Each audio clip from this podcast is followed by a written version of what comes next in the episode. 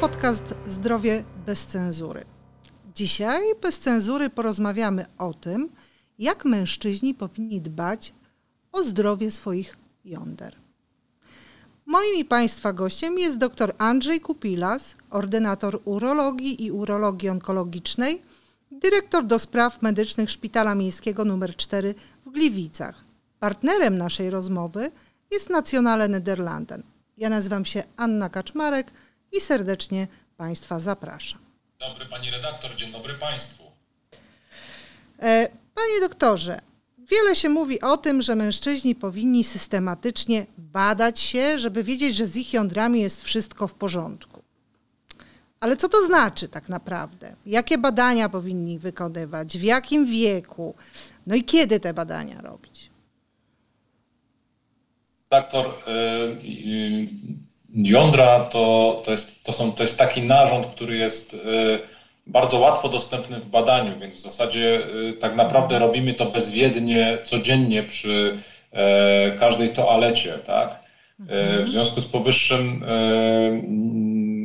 to, co powinno nas niepokoić, to każda zmiana, każda nowość, mhm. którą wyczuwamy w stosunku do tygodnia, kilku dni sprzed poprzedniego badania. To, co powinno nas niepokoić, to są zmiany, które są e, twarde, e, które powodują, e, że moszna się powiększa, są niebolesne zwykle, bo rozmawiamy o nowotworach jąder. Mhm. Natomiast wszystko, co boli, powiększa się z zaczerwienieniem, z, przede wszystkim z objawami stanu zapalnego, zwykle jest nie nowotworem, i e, mniej e, pozornie powinno nas niepokoić niż to, co nie boli, aczkolwiek rośnie systematycznie i z każdym tygodniem czy miesiącem się powiększa. No dobrze, a jeśli chodzi o to wspomniane USG jąder, kto powinien je robić? Jak często? W jakim wieku? Rak jądra to jest nowotwór młodych mężczyzn. Szczyt zachorowania e, to jest 25-35 rok życia. E, więc w tym wieku e, powinniśmy tych pacjentów uczulać, żeby się badali, żeby zwracali uwagę na to, co się dzieje w tych okolicach. A który, którzy pacjenci powinni wykonywać e, USG e, jąder? E, czy, czy to każdy mężczyzna powinien robić? Jak często? Czy, czy to mężczyźni tylko właśnie w jakimś wieku? Musimy jakby skupiać się na mężczyznach w tym wieku szczytu mhm. zachorowania na nowotwory jąder. To jest 25, 35, mhm. niektóre źródła podają 44 rok życia, mhm. więc generalnie młodzi mężczyźni. I powinniśmy zwracać uwagę na każdą niepokojącą zmianę, którą, którą za, zaobserwujemy w trakcie samobadania toalety E, która, która, której wcześniej nie było, generalnie najprościej rzecz ujmując. E, a jeśli mężczyzna na przykład regularnie, raz w roku wykonuje sobie USG jąder, to czy on musi robić takie samo badanie, czy może już sobie odpuścić? Nowotwory jąder mają to do siebie, że rosną szybko. Raz w roku to może być za mało. Y, więc nie ma jak w przypadku mężczyzn z rakiem prostaty, że standardowo po 50 roku życia e, w przypadku e, obcią braku obciążeń e, rodzinnych wykonujemy pierwsze badanie PSA i pierwsza wizyta u urologa. Natomiast jeśli chodzi o raka jąder, tu nie ma programu screeningowego. Mhm. To są nowotwory, które nie występują najczęściej, ale dotykają młodych mężczyzn. W związku z powyższym mhm dlatego e, ten przebieg jest e, tak dramatyczny, no bo nagle okazuje się, że młody, młody aktywny zawodowo mężczyzna ma zmianę, która okazuje się być nowotworem i to spada jak grom z jasnego nieba na takiego pacjenta. Dlatego, dlatego nie ma programu jakby ogólnokrajowego, który zwraca na to uwagę. Mamy programy dla młodych mężczyzn 40 plus. Którzy powinni się badać nie tylko pod, w, kierunku, w kierunku obecności nowotworów jąder, ale także innych chorób nowotworowych, a także nienowotworowych, no bo rozmawiamy o nadciśnieniu, chorobie niedokrwiennej serca i całej pladze chorób, która jest wywołana jakby no, czynnikami środowiskowymi, tym, że coraz mniej się ruszamy, gorzej odżywiamy i prowadzimy mniej higieniczny tryb życia. E, jeśli chodzi o raka jąder, no, zachorowalność na, te, na ten nowotwór to, jest, e, to są liczby rzędu 2000 nowych rozpoznań rocznie. E, jest to, no, można powiedzieć, i dużo, i mało. Jeśli odnosząc to do raka prostaty, gdzie mamy tych zachorowań 18 tysięcy w roku, mhm. no, jest to na pewno mniejsza ilość, aczkolwiek jest to 2000 nowych zachorowań rocznie. Mhm. A proszę mi powiedzieć, bo o badaniach USG jąder krąży wiele mitów i dlatego wielu e, mężczyzn boi się pójść na takie badanie zwyczajnie. E, czy to jest badanie bolesne? Pani redaktor, absolutnie należy to zdementować. Badanie USG jest badaniem niebolesnym E, które, w którym, które polega na tym, że przykładamy głowicę e, nawilżoną żelem e, takim specjalnym diagnostycznym i przykładamy go do jąder, no i oglądamy obraz na ekranie monitora. Jest to absolutnie niebolesne badanie, które w 100% wykrywa guzy jąder, natomiast jego swoistość jest nieco niższa, rzędu 70-80%. Co to znaczy? To znaczy, że my y, wykrywamy i wiemy, że tam jest guz jądra, natomiast nie wiemy do końca, jaki to jest nowotwór. Okay. To dopiero odkrywamy y, w badaniu histopatologicznym, kiedy usuwamy takie jądro i wysyłamy go do badania. Rozumiem, ale no to już wtedy, kiedy mamy rzeczywiście e, do czynienia z chorobą, a jednak e, większość e, z nas, myślę, że mm, większość panów, którzy chodzą się badać, no chce się dowiedzieć jednak, że są zdrowi, prawda? Po to głównie chodzą się zbadać. Ale mm, kiedy, no bo powiedzmy sobie, że ten raz w roku mężczyzna idzie na to USG, no ale bada się sam, tak jak pan doktor powiedział, i kiedy nie powinien czekać, e, żeby pójść na to mm, USG Yonder? Kiedy powinien e, natychmiast się zapisać? Jakie są takie mm, główne objawy, które powinny go skłonić naprawdę do szybkiego zrobienia USG Yonder? Odpowiedź jest bardzo prosta. Badamy coś, czego nie było do tej pory w jądrze, co jest mhm. twarde, niebolesne e, i powiększa się w czasie.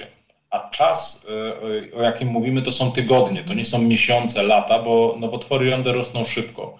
E, nie wszystko, co wybadamy palpacyjnie w mosznie, oczywiście jest nowotworem. Mhm. Mamy całą grupę jakichś łagodnych zmian typu torbiele na jądrze, który, które, z którego powodu pacjenci zgłaszają się i są to zmiany absolutnie, którymi się nie powinniśmy prze, przejmować, ale to wiemy dopiero po wykonaniu badania USG, po zbadaniu pacjenta, e, po przeprowadzeniu wywiadu, kiedy pytamy, jak długo, od kiedy jest zmiana. Jeśli już słyszymy, że zmiana jest od pół roku, od roku, no to z, z dużym prawdopodobieństwem możemy stwierdzić, że to nie jest nowotwór, no bo tak, e, tak długo te nowotwory, tak wolno one nie rosną. Mhm, rozumiem. A jeśli myślimy o profilaktyce, no to akurat badania to jest profilaktyka wtórna, prawda? Czy jeśli chodzi o raka jądra, możemy coś zrobić w ramach e, profilaktyki pierwotnej? Coś zrobić albo czegoś nie robić, oczywiście, bo tutaj to jest też kwestia czasami nierobienia czegoś. Czy, czy można tutaj w jakiś sposób zapobiegać temu nowotworowi? Ma specjalnej diety albo mm, jakiegoś, e, jakiejś zmiany trybu życia, która by spowodowała, że zmniejszymy ryzyko. Owszem, e, nie mówimy oczywiście o paleniu papierosów, nadużywaniu innych używek, spożywaniu nadmiernej ilości alkoholu, bo to są generalnie czynniki, które powodują, że częściej chorujemy na nowotwory nie tylko jąder, ale e, wszelkich innych układów typu przewód pokarmowy, płuca, nerki, pęcherz moczowy. Natomiast to są zmiany, y, to są zmiany, które y, gdzie jakoby nie jesteśmy w stanie sami, y, zmieniając styl życia, w wielkim stopniu na to wpłynąć. Oczywiście prowadząc zdrowy i higieniczny tryb życia, generalnie wpływamy na zmniejszenie ryzyka zachorowania na różne nowotwory. Natomiast tutaj no, nie ma jakiegoś czynnika, który moglibyśmy bezpośrednio nazwać, który wywoływałby raka jąder. Tak? Pomijam oczywiście mm, sytuacje, gdzie pracujemy w trudnych warunkach z substancjami, e, z substancjami, które mają udowodniony wpływ na rozwój raka, typu asfalt, typu, przed, typu przetwory ropy naftowej e, i, i narażenie kontaktowe czy wziewne na te nowotwory. Natomiast w takim normalnym, codziennym życiu mm, sami mm, w żaden sposób jakby no nie możemy tego za bardzo zmienić. To, co musimy, to na co musimy uważać, to, to, to po prostu, żeby zwracać uwagę i przede wszystkim się badać. Mamy za sobą miesiąc listopad. W listopadzie co roku przeprowadzamy taką akcję Movember, czyli zapuszczamy wszyscy wąsy e, po to, żeby zwrócić uwagę na problem, e, problemy e, męskich nowotworów. Zaczęło się to od raka jądra w, w Australii i przeniosło się na, rozniosło się na cały świat na szczęście. E, dzięki temu e, mówi się o tym coraz więcej. Jeśli się powie Movember, e, zwłaszcza zwykle w, w gabinecie, to, to większość jednak pacjentów w tej chwili, tych młodych, zgłaszających się na akcje profilaktyczne, jest obeznana z tą nazwą i, i doskonale wie o co chodzi. A czy są tacy mężczyźni, którzy powinni częściej wykonywać e, USG jąder? E, czy, czy są tacy mężczyźni, którzy mogą mieć predyspozycje do tego nowotworu? Szczególne. Generalnie y, mężczyźni, którzy mieli problemy urologiczne w dzieciństwie, to są pacjenci, którzy mieli niezstąpione jądra, byli operowani z tego tytułu w dzieciństwie. Niezstąpione jądro to jest e, taka sytuacja, kiedy e, u dziecka mamy jedno lub w ogóle nie mamy jąder w tym miejscu, w którym powinny być, czyli w mosznie i badając stwierdzamy, że na przykład jest w kanale pachwinowym albo w jamie brzusznej jeśli e, uda się takie jądro sprowadzić do moszny, no to e, zwiększa ryzyko rozwoju nowotworu tego jądra, nie wspominając już o takich jądrach, które no nie było, nie, nie zostało to stwierdzone, że one nie są w prawidłowym miejscu i dalej są w kanale pachwinowym e, czy w brzuchu. Z tego, z tego jądra częściej mogą się rozwijać nowotwory. Mężczyźni często myślą, że mm, rak jądra to jest wyrok, a szczególnie wyrok, y, jeśli chodzi o życie intymne, koniec życia intymnego. Y, czy rzeczywiście taka jest prawda, że jeśli nawet y, prawda, wyleczymy tego pacjenta, on nie ma już problemu, to, to jego życie intymne na tym cierpi? Że miał raka jądra? To nie jest prawda. Najczęściej rak jądra dotyczy jednego jądra. Natomiast opowiem może sytuację z wczoraj, bo to będzie chyba najlepszym przykładem e, tego, że e, ta choroba jest uleczalna. Wczoraj e, spotkałem się z pacjentem, który przed pięcioma laty miał zdiagnozowany obustronny nowotwór jąder. I niestety trzeba było wykonać obustronne usunięcie tych jąder. W badaniu histopatologicznym wyszło, że te zmiany są na tyle zaawansowane, że musieliśmy ten zabieg radykalizować, czyli jakby poszerzyć zakres operacji, e, no co wiąże się praktycznie e, z tym, że spada poziom męskich hormonów. No i ten, e, ten pacjent od 5 lat, w tej chwili 43-latek, przyszedł do kontroli.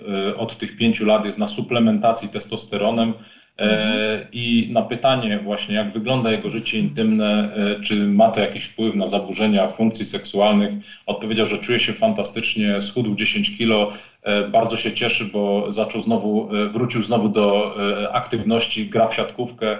W związku z powyższym jego jakby aktywność wróciła do normy. E, jest mhm. szczęśliwym ojcem e, dwójki dzieci, gdyż e, przed zabiegiem oddał nasienie do banku, bo to też należy jakby powiedzieć. że przed leczeniem takich pacjentów należy ich poinformować, że istnieje taka możliwość, że są banki nasienia, które przechowują to nasienie i to, że zachorował na taką chorobę, nie dyskwalifikuje go jako rodzica. Te banki nasienia przechowują te, te, te, te plemniki przez okres kilku lat. E, i można e, oczywiście ze sztucznym, e, wspomaganym rozrodem zostać ojcem, ale jak najbardziej można. To musi, możemy zrobić przed leczeniem chirurgicznym lub po, natomiast na pewno przed podjęciem leczenia uzupełniającego, czy to będzie radio, czy chemioterapia. I tutaj mówi Pan o sytuacji, która była dosyć trudna, a skończyła się bardzo dobrze, prawda? Natomiast jak wygląda sytuacja mężczyzny, który szybko trafia do Pana, e, kiedy ten e, rak jądra jest w początkowej fazie. Jak wygląda e, to leczenie? Jakie są historie tych pacjentów, którzy szybko do Pana trafili? Zwykle historia jest bardzo podobna. Przychodzi pacjent, mówi, że zaobserwował coś niepokojącego lub jego partnerka zaobserwowała coś, mhm. coś niepokojącego właśnie w obrębie moszny czy jąder. E, badamy się, przykładamy e, kamerę, przykładamy głowicę USG, no i widzimy, że w tym jądrze jest guz. No mhm. i to zwykle jest diagnoza, którą pacjenci najczęściej już przeczytali połowę internetu i wiedzą, z czym generalnie mogą się spotkać w gabinecie. E, wtedy pada e, hasło GUS. E, to oczywiście powoduje no, różne reakcje. Mhm. Najczęściej ci pacjenci już zwykle trafiają, no tak wspomniałem, po przeczytaniu wielu informacji w internecie, mhm. no i wiedzą mniej więcej, jakie będzie leczenie. Taki pacjent trafia w ciągu tygodnia, dwóch do leczenia operacyjnego, mhm. E, usuwamy jądro, e, no i po operacji pacjent e, jest wypisywany do domu i tam, że tak powiem, poddaje się rekonwalescencji. W międzyczasie mhm. otrzymujemy wynik histopatologiczny. Jeśli mhm. guz jest na tyle, na tyle mało zaawansowany, że wystarczy leczenie chirurgiczne, na tym poprzestajemy i wchodzimy w okres follow-upu, czyli obserwacji tego pacjenta. Mhm. Natomiast jeśli okazuje się, że guz jest albo y, niekorzystny histologicznie i wymaga e, leczenia uzupełniającego, e, od razu jest kierowany do e, onkologa i tam następuje dalsze leczenie. Czyli właściwie, jeśli to jest początek, to wystarczy zabieg chirurgiczny, prawda? To, to jest absolutnie konieczność, bo bez mhm. zabiegu chirurgicznego nie mamy wyniku histopatologicznego no i nie tak. możemy podjąć leczenia. W przypadku guzów jąder no, no nie wykonuje się standardowo biopsji. Mhm. Oczywiście w przypadkach wątpliwych, e, mhm. jeśli e, podejrzewamy, że to nie może być, e, że to nie musi być nowotwór, bo zdarzyło nam się dwukrotnie, podejrzewając, że to nie jest nowotwór, no po przedyskutowaniu wszystkich za i przeciw z pacjentem podjęliśmy decyzję, żeby oszczędzić jądro i usunąć tylko zmianę.